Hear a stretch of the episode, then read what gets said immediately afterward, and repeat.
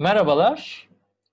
Terabyte'ın Yok Yerden Okumalar adlı programına hoş geldiniz. Ee, karşımda Onur Alptekin var. Hoş geldin Onur. Merhaba. Onur'la birlikte biz her ay Ütopya Distopya edebiyatından çeşitli eserleri seçip birlikte tartışıyoruz, sohbet ediyoruz. Geçen ay ilk programımız dolayısıyla Thomas More'un Ütopyasını konuştuk. Tabii ki bir Ütopya programında Thomas More'un Ütopyası konuşulmasa olmazdı. Bu program daha çok Ütopya'nın mekanlara ait, adalara ait, bir zamanlar dünyada keşfedilecek olan dünyaların var olduğu, macera dolu, dünyaya ait bir e, romandı. E, fakat bu sefer e, biz biraz sıçradık ve 19. yüzyıla geldik. Bu 19. yüzyılda Ütopya edebiyatında şöyle bir değişim oldu diyebiliriz.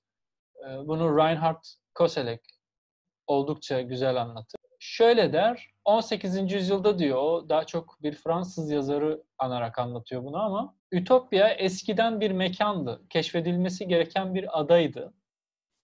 O hala gidip e, bir şekilde dünyanın el değmemiş yerlerine gidebileceğiniz bir imkana sahiptiniz.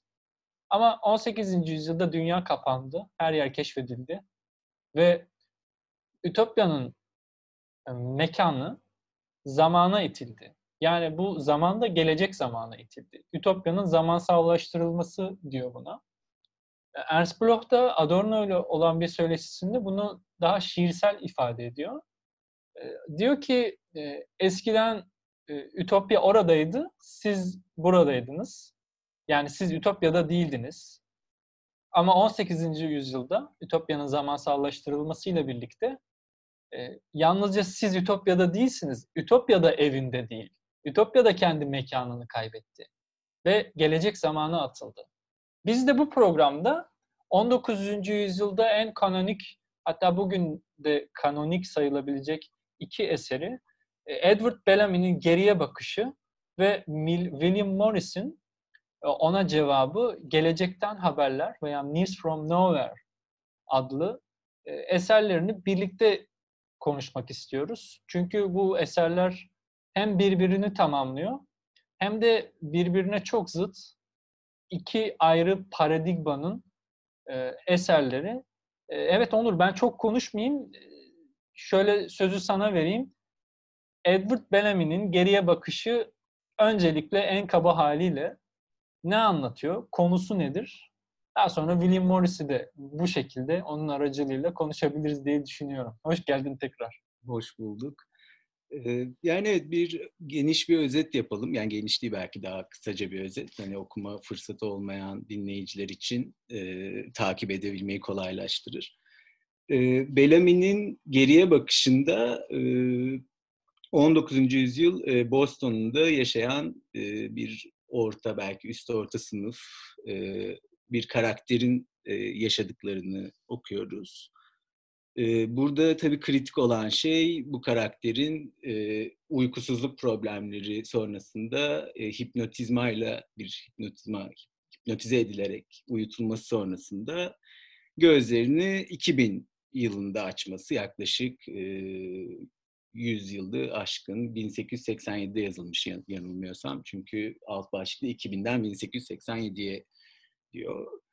Ve bu uyandı, yeni uyandı dünyada gene e, gene aynı yerde e, Boston'da uyandı dünyada e, toplumun nasıl dönüştüğünü dinleme fırsatı oluyor evinde uyandığı doktordan çoğunlukla ya da aileden diyelim o aileden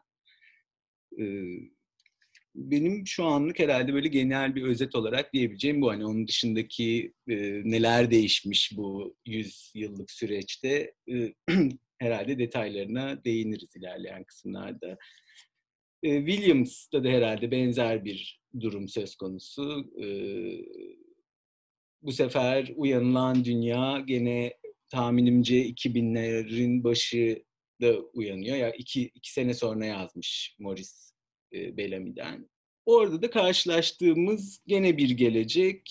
E, imgesi var diyelim. E, bu imgede tabii belki Bellamy'nin anladığı bir ilerleme anlayışına göre belki birazcık daha e, kısmen geçmişe de gidiyor. Hani zaman olarak ileriye gitse de hani toplumun ilerleyişi, geçmiş e, değerlerin ya da işte yaşama biçimlerine de kısmen övgüyle bahseden, geçmiş dediğimde tabii ki bu modernleşme öncesi belli yaşama biçimleri ve zanaatlere bir referans vardı. Herhalde temel noktaları da bu.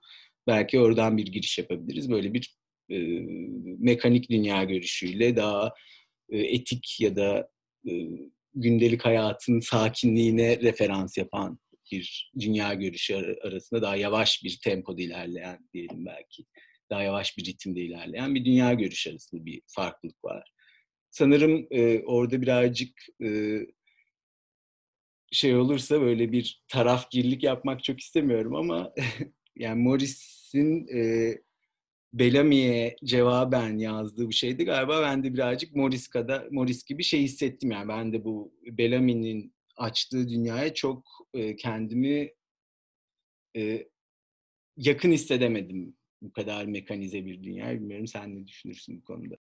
Geriye bakışın önce bir etkisini çok etkileyici buluyorum öyle diyeyim. Çünkü bu eser yani William Morris'in dikkatini de bu şekilde çekiyor. Yani biri Amerikalı, Edward Bellamy Amerikalı bir yazar. William Morris İngiliz. Ve geriye bakış yayınlandığı andan itibaren büyük bir fırtına kopartıyor. Bizim bunu pek hayal edebilmemiz zor geliyor bana. Çünkü biz bunları bugün Edward Bellamy veya William Morris kim okuyor diye düşünürsek ya edebiyat öğrencileridir ya da işte İngiliz edebiyatı, İngiliz dili edebiyatı okuyanlar veya ütopya çalışmalarıyla bir şekilde ilgilenenler okuyordur denebilir. Ama o günlerde e, Edward Bellamy'nin bir romanı e, Bellamy kulüpleri kurulmasına sebep olmuş. Yani ciddi ciddi örgütlenmeleri, formasyonlara insanların bu romandaki teorilerini uygulamaya koymaya çalışan topluluklara sebep olmuş. Bu bana çok ilginç geliyor. Sadece Amerika'da değil, dünya çapında. Yani Tolstoy'un bunun çevirmenin Rusya Rusya galiba 7 farklı çevirisi falan var yani o derece. Tolstoy bu çevirmenlerden biri ve bu eser hakkında çok dikkate değer olduğunu söylemiş. 1900'lerin başında Maxim Gorki, Tom amcanın kulübesi imparatorluğumuzun her yanında okunuyor. Bellamy'nin teorilerini bütün Rus öğrencileri biliyor demiş e, Maxim Gorki. Hani bunlar bana çok ilginç geliyor. Ve William Morris de boşu boşuna cevap yazma zorunluluğu hissetmiyor gibi geliyor bana. Çünkü etkisini görüyor. Tabii onun kavga ettiği şey Bellamy'nin sadece Bellamy değil, Bellamy'nin dünya görüşü ve onun temsil ettiği devlet sosyalizmi diyebilirsin, mekanik dünya görüşü, ilerlemeye duyulan inanç, evrim anlayışı vesaire vesaire. Hatta işte bir yerde bir alıntıda görmüştüm. Morris bir konuşma yapıyor galiba. Şöyle diyor, geriye bakışı okuduğunuzu düşünüyorum okumuş olduğunuzu varsayıyorum. Üzgünüm. Ben böyle bir e, yoksullar e, dünyasında yaşamak istemezdim. yani siz, yok ben kendi ütopyamı yazacağım ve verdiği cevap da bir ütopya. O, o da güzel ve ilginç. E, bu bu eserlerin etkisi bence çok önemli. Daha doğrusu hani kültürün maddi hayattaki dönüştürücü etkilerini biz unuttuğumuz için bugünlerde bana önemli geliyor. Yani belirli bir dönüşüm öncesi o etrafta dolaşan kültür ürünleri, kolektif arzular, rüyalar, resimler, heykeller, ne, üretilen müzikler, yazılan metinler e, önemli işte. Yani benim buradan e, e, aldığım ve zevkle kabul ettiğim şeylerden biri bu. Susan Buckmores mesela şöyle diyor. Bir gün önümüzdeki programlarda örneğin işte Alexander Bogdanov gibi Rus ütopyacılarını okursak Rus devriminden önce bir ütopya söylemi vardı diyor. 10 yıldır Rusya'da. İşte önemli yani bir şeyler dönüşüyor. Bu dönüşen şeyler, konuşulan, tartışılan şeylerin kökeni böyle küçük eserler aslında. Böyle küçük fikirler. Küçük demeyeyim de yani bir şekilde kendisini çoğaltabilen fikirler. Ben geriye bakışın bu açıdan hayırlı olduğunu, hiçbir şekilde belki katılmasak da bugün hayırlı bir etkisi olduğunu düşünüyorum.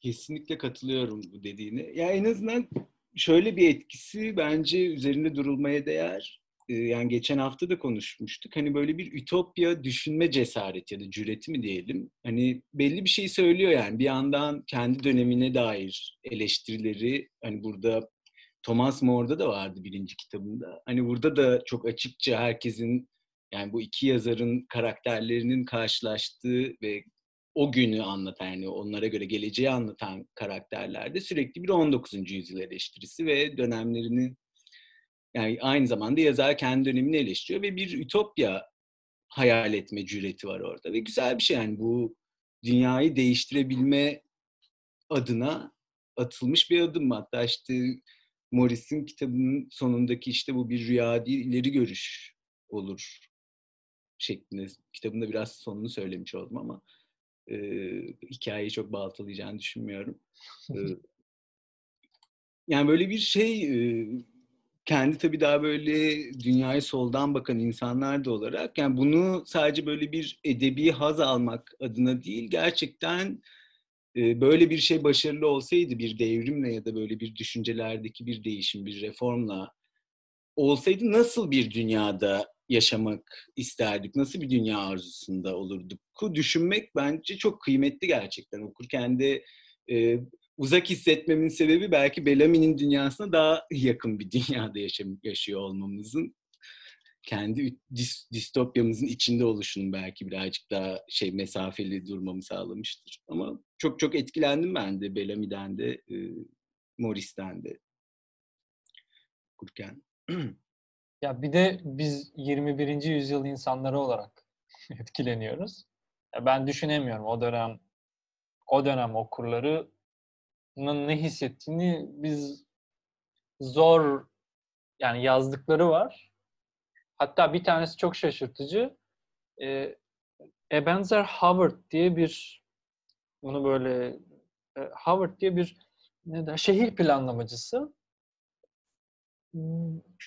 Şimdi Bellamy'yi okuyor geriye bakışını ve çok etkileniyor.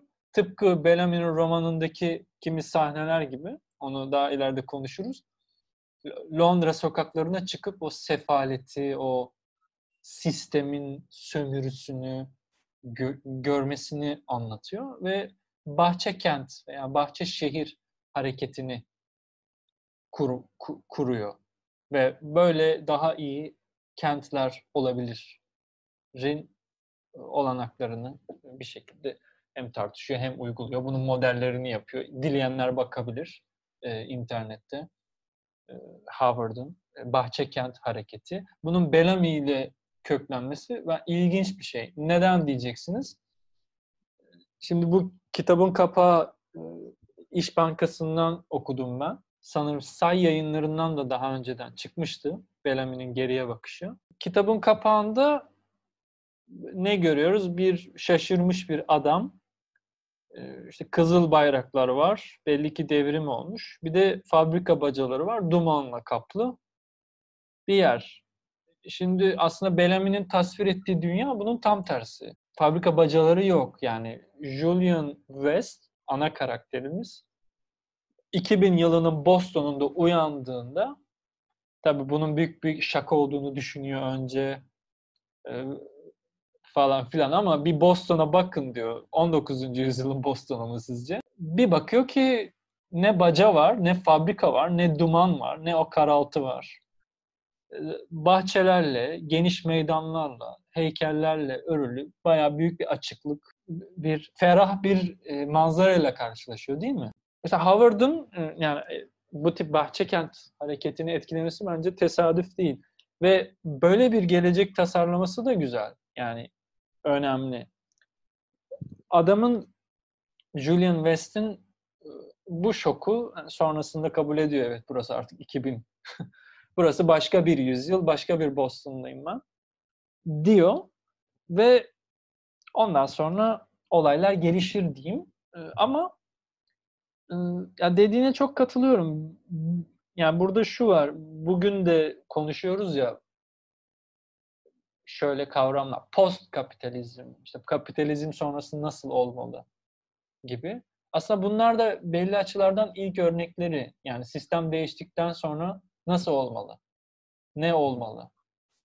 Buna Bellamy'nin cevabı eğer hani oraya girersek yani ana karakter soruyor peki bütün bunlar nasıl oldu? Nasıl nasıl başardınız? Çok şiddetli olaylar olmuştur. Çok kan akmıştır diyor. Aldığı cevap aslında çok can sıkıcı. Yani asla kabul edemeyeceğimiz bir cevap bugün. O, o da şu, evrim ne diyor? Zaten insanlar, toplum bu e, endüstriyel ilerlemenin buraya varacağını biliyordu. Bir şekilde oldu. Yani evrimle oldu diyor. Halbuki William Morris'in cevabı devrimle. Yani bence bu bu çok evet. önemli. Yani bu bu iki bu ikisi arasındaki paradigmatik farklılık e, yani benim William Morris'te en sevdiğim bölüm değişimin nasıl gerçekleştiğiyle ilgili. Çünkü aslında biz onu merak ediyoruz. Değişim peki nasıl oldu bu? Nasıl gerçekleşti? Hatta gerçekleştikten sonra da ne oldu? Bir de önemli olan da. Hani hatta bazılarına göre mesela Zizek falan öyle der. Yani V for Vendetta'nın sonunda hükümet binasını patlatıyorsun. Tamam çok güzel ama bana sonra o toplumu nasıl idame ettirdiğini anlatmalısın. Ben onu merak ediyorum. Yani onu yıkmak da kolay aslında. Sonra ne kuruyorsun, ne yapıyorsun? Bu romanlar bunu farklı perspektiflerde biri evrimle, endüstriyel ordu, işe alma, bütün yurttaşların bir sadece insan oldukları için onlara verilen kredi diyelim, temel gelir yani para yok aslında ama ve Edward Bellamy'nin geriye bakışında mutlak bir eşitlik var, yoksulluk yok. 45 yaşında emekli oluyorsun. Banka kartı gibi bir kartın var. Her yıl sana harc harcayamayacağından fazla kredi veriliyor. Gidip alışveriş merkezlerinden her mahallenin her mahallede bulunan alışveriş merkezlerinden her istediğini alabiliyorsun. Farklılık yok. Her alışveriş merkezi aynı şeyi satıyor. Bayağı franchise gibi. Bunlar çok ilginç bir şekilde kapitalist sistem tarafından içerilmiş şeyler olması çok bana e, ironik de gelir. Hani kredi kartı fikrinin e, sosyalist bir e, ütopya romanında zikredilmiş olması veya alışveriş merkezlerinin bunun bir parçası olması çok ilginç geliyor bana. Bilmiyorum ne düşünüyorsun? Evet daha böyle zaten devlet sermayedarlığından bahsederken böyle bir devlet kapitalizmi yani işte bütün sermayenin devletin ya da işte kamusal alanın sahip olması gibi bir fikir vardı. Yani e, herhalde hem kendi dönemlerinin sol fraksiyonları gereği hem de büyük ihtimalle etkilemişlerdir işte bu Marksistlerin çok sevdiği işte, işte revizyonistlikle suçladıkları falan. Hani böyle bir evrimle mi olacak, devrimle mi olacak? Hani böyle bir düşünce ikliminin bir anda değişikliğinde beni de doyurmadı açıkçası. Yani bu değişimin e, çok naif buldum. E, işte herkesin böyle bir düşünce iklimindeki değişe, böyle bir fikirlerdeki değişime bu kadar hızlı bir şekilde adapte olması bir yandan da şeyi de gösteriyor tabii. Hani arkadan ilerleyen başka bir ideoloji var tabii. E, bu demin sen şey dediğinde işte böyle bir endüstriyelleşmenin sanki tırnak içinde doğal sonucu yani böyle bir refah toplumuna ulaşılması.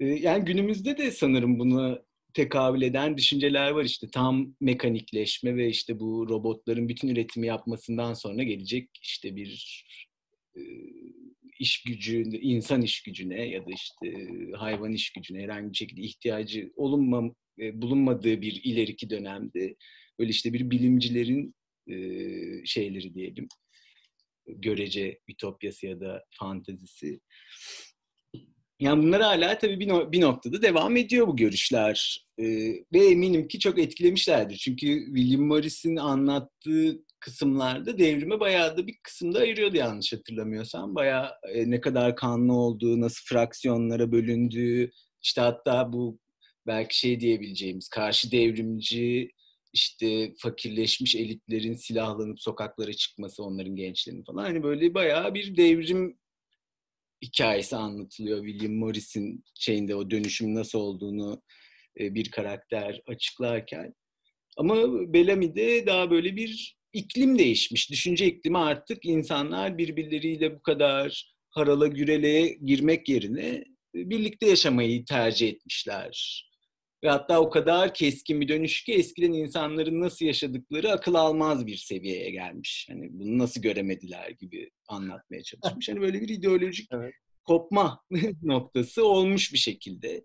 Bu bir anlaşılmış ama bazı noktalarda da tabii çok olmamış. Hani bu devlet gücü, bu üretimin işte militarizasyonu böyle bir askerileşmesi, askerlerin ortadan kalkması ama askeri düzenin o işte belki orada birazcık daha bu işte Lewis Mumford'dan gelirsem hani oradaki rasyonel mekanik düşüncenin hani o hiyerarşik yapının bir şekilde endüstriye yayılması. Bilmiyorum orada mesela beni çok ilginç gelen hani belli şekilde bu hiyerarşide ilerlenebiliyor. Hani belki maddi bir kazanç yok ama işte böyle bir prestij ve saygı duyulma gibi getirileri olduğundan bahsediyordu. Yani bilmiyorum bana bayağı garip geldi bu askeri düzenin bu kadar e, normal bir şekilde yani başka o oradaki metodun yöntemin üretime aktarıldığında bunun bu kadar e, sağlıklı olabileceğine olan inanç e, beni bayağı e, yani tam belki bu kelime biraz kabaca olacak ama irite etti yani çok garip geldi. Ama tabii bir yandan da anlaşılır e, böyle bir kesin kopuşun devrim gibi kesin bir kopuşun olmadığı bir noktada herhalde başka tip bir e, dönüşüm gerekiyor toplum içerisinde. Yani öyle düşündüğünü varsayıyorum benim kendi yorum olarak. Ya bu çok tehlikeli evet bu evrensel o daha endüstriyel ordu. Buna yakın aslında 2016 tarihli galiba 2016 olması, olması gerekiyor. Frederick Jameson'ın çok belamici bulduğum bir görüşü var. Böyle 90 sayfalık bir şey yazmıştı. Başlığı da şu American American an American Utopia and the Dual Power and Universal Army gibi bir şey. Burada iki şeyden işte bir Lenin'in dual power'ını, karşı iktidarını alıyor. Evrensel orduyu da yani herkes askere alıyor. Askerliği ilga edip tıpkı Bellamy'de olduğu gibi. Ve bütün nüfusu askere alıp bunun bir tür ütopyaya gidebileceğini söylüyor. Şu an çok mahvettim belki metnini ama kabaca özetlemeye çalışınca böyle oluyor hala böyle canlı bir e, e, alıcısı var. Hani çok eleştirildi eleştirildi tabii bu. Bir yandan da e, yani o şunu işaret, işaret ediyor. E, etrafımızda hiçbir kurum kalmadı. Böyle ütopik organizasyonları gerçekleştirebilecek. Bir tek evrensel ordu kaldı diyor.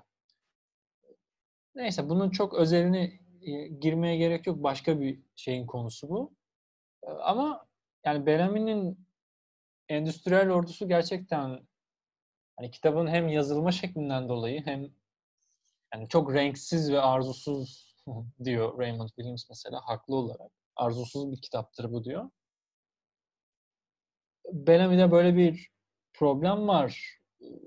Tezlerini kanıtlamak için zaten bir sanki bir hayvanat bahçesinde dolaşan biri gibi toplumun işte alışveriş merkezleri şöyle bir alışverişe gidin, bir şehri görün, işte iç yaşantıyı görün, toplu yemekleri görün.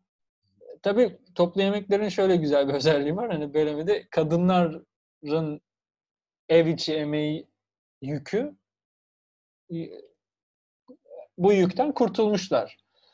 Öyle böyle replikler, böyle diyaloglar vardı içinde. Değil mi? Yanlış hatırlamıyorsam. Kadınlar için bir cennet olmalı. Sizin dünyanız gibi. Çünkü 19. yüzyılda bu, burada karşılaştırıyorlar kendilerini ve yani kadınların kendilerine ait zamanları ve kendilerine ait odaları olmadığı için diyelim erkekler tarafından bastırıldığı için, işe koşulduğu için, özgürleşemediklerinden bahsediyor. O, oysa bu dünyada bütün yemekler ortak yani. Tıpkı Thomas More'un Ütopyası'ndaki gibi yemek yapmıyorsun. Ortak yemek yapan kamusal yemek yerlerinde yemek yiyorsunuz. Estetik haz olarak da müzik dinliyorlar. Ben Spotify'ı falan öngördüğünü düşünüyorum. Edward Bellamy'nin. Bir radyo gibi böyle ne telefon müzik telefonlu müzik kutusu gibi Öyle bir şey. bir şey. Böyle herkeste odada gramofon bir şey var. Öyle ve herkes özel müzik dinliyor. Hatta vaazları bile oradan dinliyorlar. Bir yerde de şey diyor. Herkes böyle kendi en güzel müziği odasında dinleseydi dünyada hiç e, acı kalmazdı gibi bir şey diyor. Yani bugün buna kahkahalarla gülebilirsin ama e bunu eleyebiliriz. Bugün bunu test ettik olmuyormuş dedik. e yani onun isteği bir odada herkesin her, her şeye ulaşabildiği, en güzel müziklere ulaşabildiği yani mahrem, kişiye özel odada müzikler. Bu hakikaten bu tip böyle müzik bizim şu anki müzik deneyimleme biçimimizi ilginç bir şekilde gör, gördüğünü düşünüyorum. Çünkü biz hani biz de topluluğu artık yapmıyoruz. Yani eskiden sinemalar bile e, sessiz sinema döneminde yanda bir orkestra olurmuş ya, çalarmış. Yani öyle sadece görüntüleri izleyip sıkılma diye. Böyle şeylerimiz hele pandemi döneminde zaten e, hayal bile edemediğimiz şeyler veya o eski güzel günler gibi bir yere yerleşti. Bir konserler, festivaller e, gibi e, toplu etkinlikler. Hepimiz böyle özel kulaklıklara itildik. Yani Bellamy, Bellamy de bunun bir ütopyaması ilginç tabii. E, güzel bir hayal bence o dönemin şartlarını herhalde düşününce. Müziğe her an ulaşmanın herkesin ruhunu besleyeceğini hayal etmiş güzel bir düşünce aslında. Naif ve güzel buluyorum tam kelimesi de. Hmm. Ama ne yazık ki insan herhalde sırf müzikle kurtarılamayacak kadar 19. yüzyılda başka bataklara da battığı için. Yani evet bu geçen yani demin şeyi e, arıyordum onu bir bulabildim. Belki onu bir küçük araya sıkıştırabilirim. Bana çok garip gelen yerlerden biri şurasıydı bu askeri düzenle ilgili. Ee, burayı direkt okuyayım. bir kimse meslek seçimi yapamayacak denli aptalsa yalnızca vasıfsız bir emekçi olarak kalır. Yani bu böyle hani bizim çağımızda da yani gene belki işte o müzikte ya da başka şeylerde olduğu gibi hani birazcık uygulamaya konmuş bir şeye de benziyor. Hani bu işte evrensel eğitim denen şeyde bir noktada böyle hani öğretilenlerin eleştirilerini falan geçiyorum. Hani böyle herkesin kendi geleneklerini icat etmesinin ötesinde. Bir yandan da bu e, Bourdieu'de vardı yanlış hatırlamıyorsam böyle bir akademik aklını eleştirisi. Hani böyle bir şey yapma hani işte seni sürekli zekanla ya da işte aptallığınla sınayıp hani onun arkasındaki böyle tarihsel, sosyal işte hangi sınıftan geldiğini göz ardı ederek birazcık hani bunun böyle bir aptallığın şeyi olması, emaresi ve bu eğer aptalsan o kadar vasıfsız bir er olarak yani bir endüstri ordusundaki bir er olarak kalman falan demin onu, onu bir e, aklımdaydı onu bir şey yapamadım e, araya giremedim. Yani genel olarak e, herhalde şeyi diyebiliriz ama bu senin söylediklerinden de yola çıkarak hani harbiden bir sürü şey yani bu alışveriş merkezi fikri de çok ilginçti. İşte bu bir sürü bu e, Morris de belki e, burayı çok eleştirmek istiyordu. Bu tek tipleşme birazcık problem galiba e, Bellamy'nin e, Ütopyası'nda. Morris de sanırım biraz buradan alıp hani herkesin kendi el işi, el zanaatı ve o zanaatlerin e, elle yani bu mekanik şeyden çıkarıp elle yapılmaya başlaması hani bunların bir sanata dönüşmesi ve neredeyse her işin bir sanata dönüşmesi. Böyle bir buğday hasadından işte yapılan pipoya kadar her bir eserin biricikliğine bir atıf ve bunu yaparken herkesin çok neşeli olması ve herkesin böyle bir beğendiği işi hep birlikte kolektif olarak yapmaktan aldığı keyifle işte güzel yaşamalarına karşı Morris'in dünyasında Bellamy'de böyle bir 21 ile 45 arasında bir e, sanayi neyi diyelim talimi gibi herkesin 45'inde emekliliği bekleyip ondan sonra huzura erdikleri küçük bir bedel olarak görüyor tahminimce Bellamy bunu. Gerçekçi kılmak adına da belki birazcık kendi ütopyasını.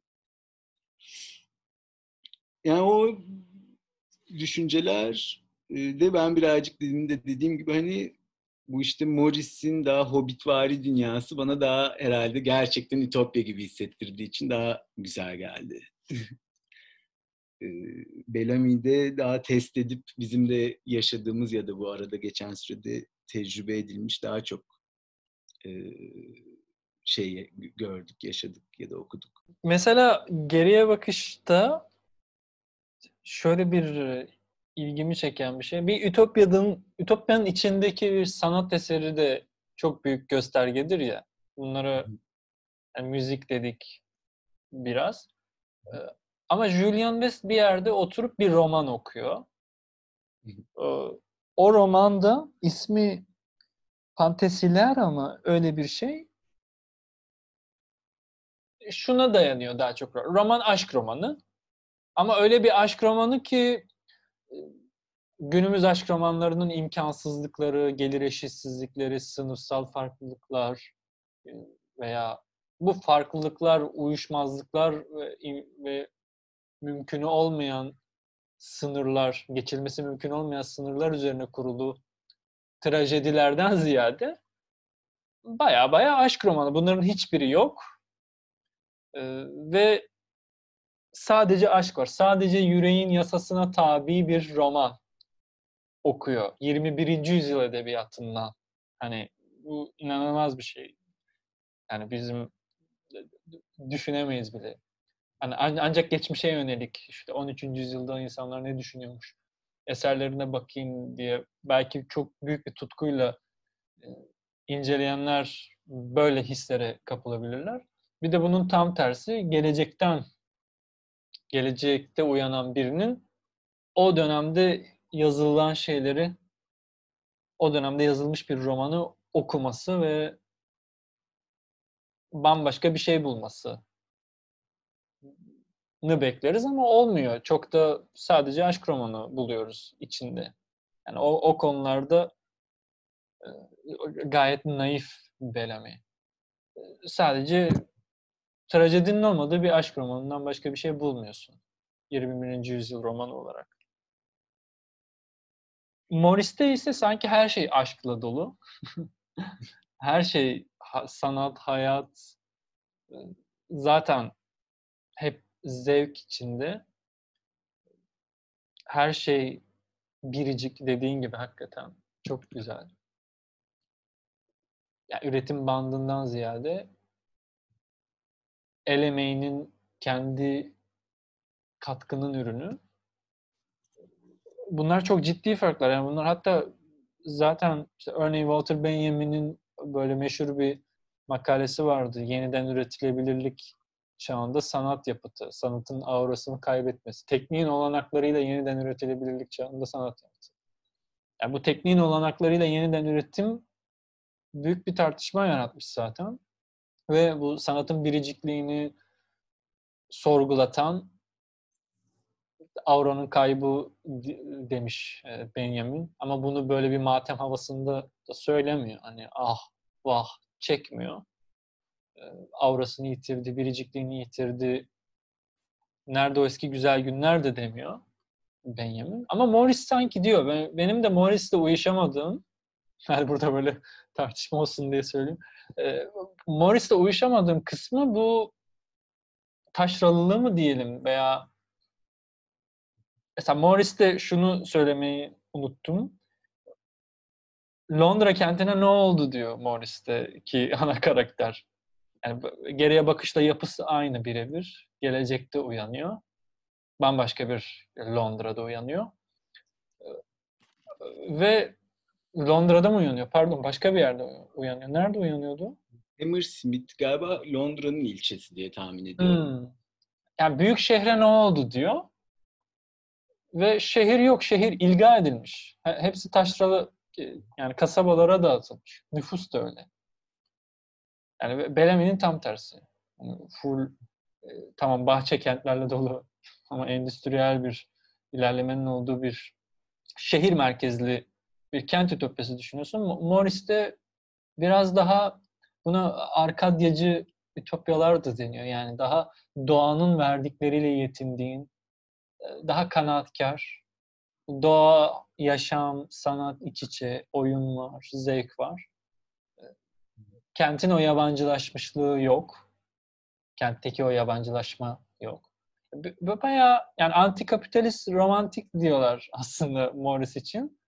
Ee, sen de Hobbit dedin ya gerçekten öyle yani hatta e, yanılmıyorsam Hobbit'in ve Yüzüklerin Efendisi serisinin yazarı işte Tolkien, William Morris'ten çok etkilenmiş. Yani o da antikapitalist diyebiliriz. Muhafazakardır, şudur budur onları bir kenarda. E, William Morris dedi beni rahatsız eden bu bir şekilde bu geriye yani arkadyacı doğaya çekilmesi. Mesela Marx okumuş ama e, tabii ki Marx çok iyi biliyor. Ama mesela Komünist Manifesto'da Marx taşralılıkla çok alay eder. Yani o köye dönme vesaire meseleleriyle çok dalga geçer. Yani Marx da o konuda ciddi modernisttir diyelim. Veya o bu makinenin yarattığı e, ilerlemeden tabii ki heyecan duyar. Morris de bu bunu nasıl uzlaştırdığı çok ilgi çekici geliyor bana. Çünkü Morris'te de o taşra sevgisi önemlidir çıkışı var. Taşra sevgisi demek doğru değil buna ama ya o kadar da iyi bir şey değil bu e, endüstri ilerleme. Hala bir şekilde bu ilişkiyi doğayla olan ilişkiyi koruyabiliriz. Yani Morris'in kazan, bugün kazandığını söyleyebiliriz gibi geliyor. Hani paradigmalara bakarsan. Ama bir yandan da yani merkezi planlama Bellamy tarafı. Yani merkezi planlama işte pandemi zamanını mesela düşünelim. Bunlara da çok ihtiyaç duyuyoruz. Hani ne bileyim böyle bir felaket olduğu zaman e, Morris'in dünyasında mı e, yaşamak isterdim, Bellamy'nin dünyasında mı? Bellamy derdim herhalde. Şimdi bu biraz şey gibi oldu. Bellamy mi Morris mi gibi oldu. Bunu programın sonu bunun, bunu programın sonunda soracağım. Bellamy mi Morris mi tek cevap gibi. Ee, Anki, anketimize bekleriz. Bellamy mi Morris mi? Bilmiyorum hani bu bana şey geliyor. O zor bir cevap bana. Hem Morris çok çekici yani. Morris zevkli de bir roman açıkçası. Ama Bellamy'de yok sayamıyoruz. Evet evet bence ben bu arada okuma keyfi olarak Bellamy'yi daha çok beğenmiştim. Hani belki çevirilerde de et, şey vardır, etkisi vardır çevirilerinde. Ya şeyi bence değindiğin çok güzel oldu. Bu kır, kırsal alan, kent, şehirleşme yani yaşadıkları dönemde herhalde böyle net kopuşlarından biri hani bu kadar böyle biri Amerika'da, biri işte Londra'da zaten böyle 19. yüzyıl böyle şehirleşmenin çok fazla arttı ve bugünkü tabirle belki çarpık şehirleşme işte harbiden o bacalar işte bu şeyleri düşününce aklıma gelen işte böyle ne bileyim Robert Louis Stevenson ya da böyle Victoria dönemi diğer İngiliz edebi şeylerini falan aklıma bir tek gelen kelime kasvet oluyordu. Yani böyle bir karanlık, işte duman altı ya da işte böyle basık şehirlerde. Bellamy böyle sanki o makinalaşmayla o karaltıyı ileriye doğru diyelim dağılacağını yani bu ilerlemenin onu dağıtacağını düşünüyor. Morris orada biraz şey demiş harbiden sanki böyle hayır bırakalım bunu ve hani buradan bu yoldan bir çıkış yok. Hani oradan kabul edebileceklerimizi alalım ama böyle bir bugünkü şeyiyle belki işte çok gündemde olan bir kavram belki işte bir tersine göç. Hani kır, kentlerin dağıtılmasıyla sanki böyle bir bütün ülkeye dağıtılmış bir kırsal üretim alanları gibi benim böyle yani öyle tahayyül ettim, öyle gözümde canlandı. Hani tabii tam böyle dönemlerinin belki işte şey olarak da kıymetli bir dönem. Hani bugünkü anlamıyla akademik disiplinlerin oluşmasında işte sosyoloji, tarih gibi üniversitelerde. Yani böyle bir ilerlemenin neredeyse farkında olarak ya da olmayarak bir sürü filozof, sosyolog, tarihçi tarafından böyle çok gündemde olduğu bir yerde. ikisinin de hani tabii kaçınılmaz olarak buna değinmeleri beklenir. Ama böyle çok e, kıymetli bir şey yani böyle baştaki muhabbete geri dönersem hani böyle bir zamanda ileri giderek ütopya kurma e, dünyasında ikisinde de e, şeyi hissettim. Tarih bizi nasıl yargılayacak gelecekte içinde bulunduğumuz toplumu ve bugünü bugünün toplumunu yaşayışını nasıl geliştiğini falan.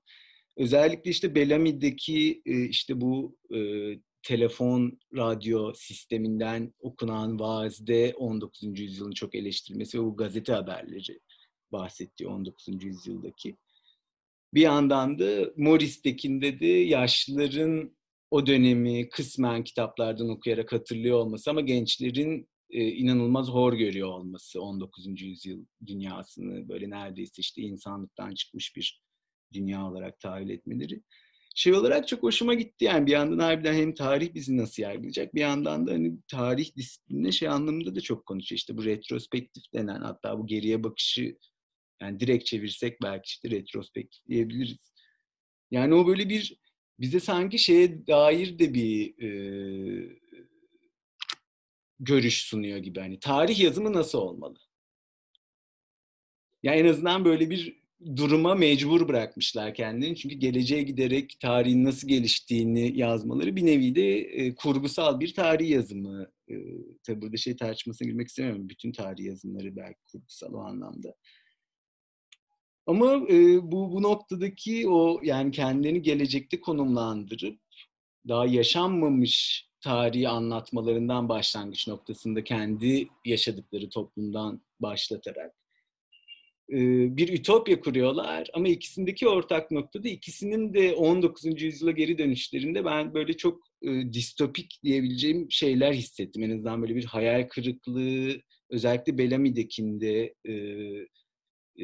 bu Julian West'in işte geleceğin Boston'u gördükten sonra geri döndüğündeki o şehirde yürüdüğü an zamanlardaki dev yabancılaşmaları ve böyle anlam verememesi artık böyle harbiden orada bir tek şeyi hissettim yani bu ideolojik kopuş Bellamy'nin işte bir düşünce ikliminde ya da işte dünyaya bakıştaki değişmeyi aslında Julian West karakteri kendi de içselleştirmiş ve kendi geldiği toplum bir anda böyle bir yabancı bir topluma dönüşüyor. Belki böyle birazcık daha zimmerci bir yabancı diyebileceğimiz belki Marx'ın yabancılaşmasına tam uymasa da ve hani o şekildeki e, Boston sokaklarında yürü, yürüdüğü kısımlar böyle şey olarak çok hoşuma gitti. Yani harbiden bir e, arşiv metni denmez ama böyle tarihten gelen ve o dönemin toplumunu yani o dönemin belki sosyolojisini yapan böyle bir e, kendini yabancılaştırarak çok etkileyici geldi bana. Bilmiyorum sen ne düşünürsün bu ikisinin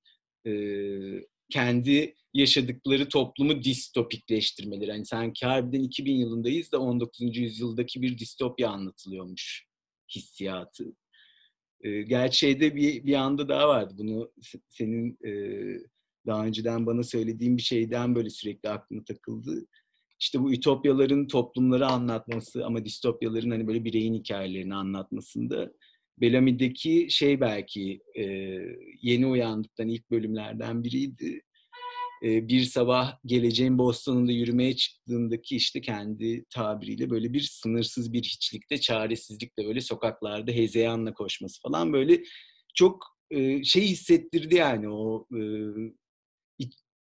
böyle diğer konuşmalarda topluma dair nasıl dönüşmeleri anlatırken bir yandan harbiden karakterin oturması, bir bireyin yaşadığı psikolojik bunalımlara gelmesi ve ikisinde o dönüşe dair yani 19. yüzyıla geri, geri dönüşlerine dair hissettikleri o çaresizlik hissi falan böyle e, çok çok e, etkiledi açıkçası beni o kısımlar.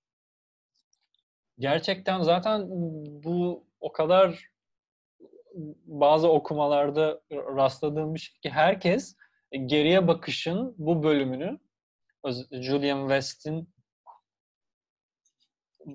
19. yüzyılın Boston'unda tekrar uyandığını ve Boston sokaklarını başka gözde korkunç dehşet içinde gezmesini herkes o bölümü unutamadığını söylüyor.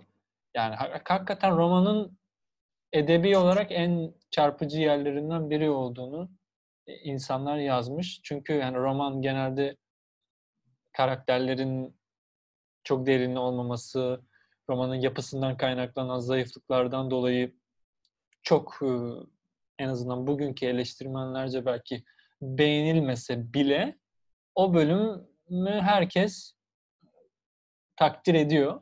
28. bölümdü galiba. Gerçekten Bu tarih... Hı, pardon. Yok devam et. Ben araya ben gaza geldim de şey yaptım. Pardon. Yok söyleyebilirsin ya. Yok bence de yani çok etkileyiciydi. Heyecanlanıyorum hatta işte o bölüm şey olunca, konuşulunca. ya evet ben de ilk okuduğumda aman tanrım her şey rüyaymış. Ne büyük. Yani romanslar öyle biter ya. Her şey rüyaymış. Ama hayır yani rüya değil. Gerçekten orada. Sadece o o yadırgatıcı etkiyi vermek için çok güzel bir yöntem bulmuş. Bu tarih yazımı konusunda benim de aklıma şey geliyor. Biraz başka bir tartışma ama daha büyük bir tartışma. Yani daha büyük derken programa sığmayacak bir tartışma. Bana William Morris ile ilgilenen insanlara baktığımda bunların saysam şimdi hepsinin ortak özelliğinin şu olduğunu göreceğiz. E.P. Thompson'ın William Morris ile ilgili bir kitabı var. İngiliz tarih yazımında çok önemli veya en önemli tarihçilerden biri diyelim. E, Raymond Williams üzerine yazmış. Başka E.P. Thompson, Raymond Williams e, İngiliz kültürel çalışmalardan birkaç kişi daha mı var? Perry Anderson galiba. O da onun onlar üzerine yazıyor. Bunların hepsi İngiliz, e, hepsi tarihçi. E, Raymond Williams bir yandan teorisyen. Ve hepsinin de ortak özelliği bir e, hepsinin de ortak özelliği daha çok unutulmuş, ezilmiş e, bireye yönelen bir tarih anlayışı. Yani yapıya karşı özneyi ön plana çıkartmaları. E, bugün gelinen nokta belki hoş değil ama o, onların döneminde diyelim işte so Stalinizm, e, Sovyetlerin müdahalesi, e, İngiliz kültürel çalışmalar yani yeni solu ortaya çıkartan o koşullar başka türlü bir sol tahayyül etmeliyiz e, arzusu E.P. Thompson'ın İngiliz işçi sınıfının oluşumunu çok dev bir eser hani burada konuşulamaz belki ama yani en azından perspektifinin insanların deneyiminden e, duygularından, arzularından baz alınarak yazıldığını düşünürsek, Foucault'dan falan önce yani.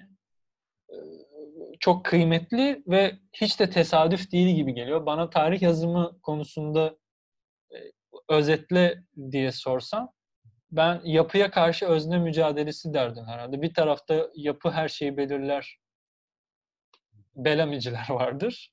Öteki tarafta da William Morris'in anlatısında da bu var. Yani öznenin bir daha deney, deneyimleri çok daha kuvvetli, arzularını çok daha kuvvetli resmettiği bir romanla karşı karşıya kalıyoruz. Ve onunla ilgilenenler de bunu ön plana çıkaran bir tarih anlayışına sahipler. Bana hiç tesadüf gelmiyor. Yani tarih anlayışı konusunda aklıma gelen bu oldu. Sen iyi ki söyledin. Bilmiyorum. Katılıyorum yani o zaten işte İngiliz Marksist tarihçiler yani bu işte aşağıdan tarih dedikleri Aha. hani direkt böyle bugüne kadar yapılan işte belki yapılar belki de daha çok da işte böyle belki kralların tarihleri, savaşların tarihindense harbiden inip böyle en altta bu işi belki şeyden de yaptıkları bir metaforla işte altyapı üst yapı tartışmaları Marksistlerin sonradan yaptığı Yani böyle çok e, o yani Morris'in metni öyle şey ne derler bu yorumlara tabii o tarihçinin direkt işte biyografilerini yazmaları ya da direkt bahsetmeleri işte. Ben de şeyde karşılaştım bu e, Amerikalı işte Lewis Manford'un makine mitinde vardı. Makine efsanesi diye çevirmişler sanırsam. Ee, orada da böyle şeyi çok bahsediyordu. Morris'in e, işte bu ütopyası haricinde işte yok olmakta olan işte el sanatlarını ya da işte belli zanaatların böyle kataloglarını tuttuğu ve hani aslında bu makinelaşmanın ve ürünlerin tek tipleşmesinin insanın işte ahlaki yaşayışına ya da işte gündelik etik yaşayışına işte çok büyük bir ket vurdu. O yüzden de hani belki de işte zaten yani şeyde de çok açıkça gözüküyor kendi ütopyasında. E, o anlamda bence böyle tarihe tarihi yazımına çok çok güzel katkıları olan iki eser bence. Bunları böyle e, ütopyalarda da şeyi açarak belki gerçi ilk değildi sanırım e, Mercier'in ne 2044 yılından mıydı? 2440 yılından mıydı? Ondan sonra herhalde ilk ikili e, zamanda ileri giderek ütopya şey yapan. Ve oradan böyle bir tarih yazımı anlatsa. Hatta Bellamy'de açıkça şey bile vardı işte kendi okullarındaki işte Bellamy'e ne iş bulacağız eğer burada kalırsa e, sorusunda evinde uyandığı, gelecekte uyandığı yerdeki e, doktorun şey sözü vardı. Sana üniversitede tarih kürsüsünde yer bulacağız. E çünkü 19. yüzyılı senin kadar iyi deneyimlemiş başka hiç kimse kalmadı. Herkes ölü yani ve onun dışındakiler matbu eserler. O da böyle çok ilginç gelmiş. Yani gelecekte e, Bellamy'nin karakteri Julian West ne iş yapacak? Hani böyle sıfırdan işte vasıfsızlar ordusuna mı dahil olacak endüstride? Hayır. Onun yapabileceği bir iş var. Tarihçi olabilir çünkü o dönemi biliyor. E, bilmiyorum o böyle etkiledi beni bu yapıları, şeyleri, e, tarihi yazım biçimlerindeki böyle göndermeler. Mecburen zaten her iki kitapta da gelecekten geçmişe anlatan e, orta yaş ya da yaşlı karakterlerin tarihi nasıl anlattıklarında bile bence çok gözüküyordu o e, kopuşun nasıl olduğu. işte devrim mi evrim miden başlamak üzere. Benim böyle e, herhalde söyleyeceklerim bu konuda bu kadar. Bana da yani Bellamy ve Morris'i düşününce mesela Frederick Jameson bir yerde şöyle diyor. Bellamy ve Morris birbirinden ayrı okunamaz yani. Herhalde en ünlü Ütopya çiftlerinden ilki bu. Bellamy'nin geriye bakışı ve Morris'in buna olan e, cevabı. E, News from Nowhere. E, hiçbir yerden haberler. Bu arada programın isminin borçlu oldum. Programın ismi de buna borçlu. Yok yerden okumalar çok benziyor. William Morris ve Bellamy çift, e, Edward Bellamy çiftine gelince de e, bunlar faydalı ikilikler. Bence birbirini besleyen, birbirini zenginleştiren ikilikler. O zaman yani Jameson gibi e, şöyle sorabilir miyiz? Bellamy'siz Morris, Morris'siz Bellamy olur mu? Sevgili Onur. Ne düşünüyorsun? Yani Morris'siz Bellamy belli ki olurmuş daha önce yazdığı için. Ama yok yani o anlamda sormadım biliyorum.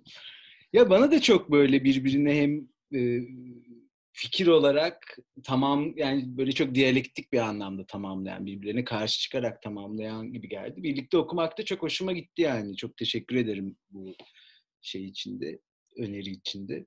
Geçen programdan sonra konuştuğumuzda.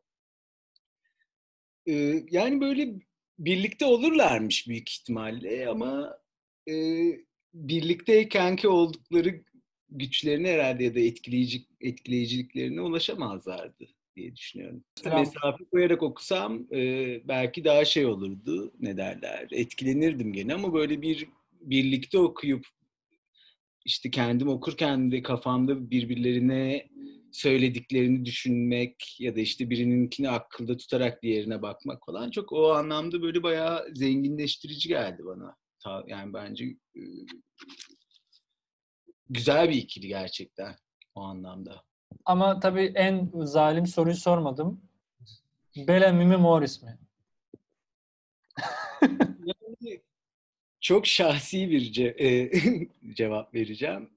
Yani böyle okurken içinde bulunduğum böyle şey olarak ne derler? E, belki de işte pandeminin de etkisi vardır bu kasvetli zamanlarda. Hani böyle bir e, Morris'in işte günlük güneşlik Londra, İngiltere günleri, ütopyası diyelim ona da. Çünkü herhalde Ütopya'da o sürekli güneşin olması, işte böyle bir nehirden yukarı doğru sandalla gezintiler ve işte çadırlar, köy evleri falan böyle atmosfer olarak daha şey geldi bana. E, neşeli, daha keyifli geldi. O yüzden şimdilik yani şey olarak onu da söylemiştim gerçi. Yani orada da belki çeviride şeyler vardır, etkisi vardır illaki. Ee, yani bir edebi eser olarak Bellamy'yi okurken daha çok etkilendim. Ama bir Ütopya dünyasında şey olarak Morris o anlamda daha etkileyici geldi. Böyle ferah geldi diyeyim. Böyle ağaçlar, daha böyle yabani hayatı da e, kendi haline bırakarak ona müdahale etmeyerek insan varoluşu. Öyle e, hoştu okuması ve verdiği his atmosfer olarak ki zaten böyle en sonundaki e, Morris'in işte komşu diye çevrilen işte guest karakterinin o gelecekte aslında karakterin silinerek geçmişe dönmesi. Yani ana karakter böyle bir rüyadan uyanma değil ama e, karakter o dünyadan siliniyor ve tekrar böyle bir e, kara bulutlarla çevrili bir Londra'ya geri dönüyor olması şeyi göster yani böyle çok e, orası mesela çok etkilemişti ve oradan böyle bir umut devşirme ile bitirmesi böyle güzel hisler uyandırdı o anlamda. Galiba e, soruna çok uzattım cevabı Morris. Ben daha şey geldi. Bugünün konjonktüründe düşününce daha etkileyici geldi. evet bence de Morris kesinlikle ferah, arzu dolu, zevkli, sanat dolu. Bir yandan da Bellamy'yi de yok sayamayız. Yani Bellamy'ye çok şey borçlu. Ya pandemi zamanında düşününce ya bu tabii çok ikircikli kalıyorum ben de. Çünkü Morris'in de mücadele ettiği şeylerden biri yani bu ilerlemeye duyulan inanç bir kenarda mesela işte Marx'ın Marx Engels'in Komünist Manifestosu'nda bunu geri dönemeyiz artık. Bu, bu, bu dünyayı bırakın. Arkadyacı düşleri bırakın gibisinden bir çağrı da var. Morris bunu bir şekilde uzlaştırıyor. O açıdan yeniden düşünülmesi gereken bir şey gerçekten. Pandemi zamanında veya örgütlü organizasyonlara çok ihtiyaç duyuyoruz. Bence hani Zizek e, ilk başta çok dalga geçirdi belki ama hani koronavirüsü bize iki seçenek sunuyor. Ya barbarlık ya sosyalizm gibi. Değişi buna işaret ediyordu. Ya, ya büyük uluslararası organizasyonlara ihtiyacımız var toparlanmak için ya da dağılıp gideceğiz. Herkes kendi yoluna giderse, önce Amerika derse olmaz bu iş diyordu. Yani bu açıdan burada hani sanki Bellamy'nin belli bir sesini duymak mümkün. Hani Bellamy çok kötü şekilde kazanmış gibi geliyor bana. Kapitalistçe, devlet kapitalizmi veya Stalinizmi, bütün o tarihi düşününce insan irkiliyor. Hiç herhalde böyle bir şey düşünüyorlar mıydı bilmiyorum. Bellamy ve arkadaşları, e, onu destek verenler. Ben de yani ikircikli bir Morris Mülksüzlerin alt başlığı gibi ikircikli bir Morris. Morris bana çok şey geliyor yani o kırsal taşraya olan sevgisini biraz çekemiyorum diyeyim. Yani bu da benim modernistliğim artık? Yani burada kötüyü oynayayım. öyle antikapitalist e, romantizmin belli bir yere kadar kullanılabilir bir müttefik olarak görmekte fayda var diyelim. Tabii tabii zamanlama olarak belki şey oldu Morris. Bu senin sorunda avantajlı duruma geçti. Herkesin bir de işte şey gibi çok amiyane tabiriyle işte ya Ege'ye gideceksin, doğada yaşayacaksın gibi böyle orta sınıf fantezilerinin de çok böyle herkesi sürekli dürttüğü bir zamanda böyle onunla ilgili bir ütopya okumuş olmamız da bence belki biraz Morris'i öne çıkartmıştır. Ama evet yani dediğim gibi Bellamy'yi de şey yapmayalım. Bence yani edebi olarak yani edebi bir kitaptan keyif alma olarak ben Bellamy'yi daha çok beğenmişim. Özellikle işte o konuştuğumuz e, geri döndüğü 19. yüzyıldaki yerler harbiden böyle gene hala düşününce böyle bir içim hafif bir ürperiyor şey oluyorum. Güzel geliyor yani böyle orası. Bir sürü anlamda çok doyurucu yani sadece böyle bir duygulanım anlamında değil böyle bir, bir bakış olarak falan böyle bir, belki bir sosyolojik tahayyül olarak falan da etkileyici geldi. Evet o zaman yavaş yavaş bitirelim. Ee, hoşça kal diyelim. Ee, başka söylemek istediğim bir şey var mı Onur? Ee, benim yok. Ee, görüşmek üzere. Diyerek direkt kapattım. Öyle. o zaman e, benim de yok. Ee, gerçekten e, yani bu bu Ütopya çiftinin hem e, koronavirüsü dolayısıyla kent deneyimini çok ciddi sorguladığımız zamanlarda okumak da bence önemli oldu. Yani bunu söyleyebilirim. Bilmiyorum eklemek ister misin? Katılıyorum. Bence de çok keyifli bir okumaydı. Umarız, umarım dinleyenler de keyif alırlar. O zaman e, bizden bu kadar diyelim. E, bir sonraki aya görüşmek üzere. Çok teşekkürler Onur. Ben teşekkür ederim.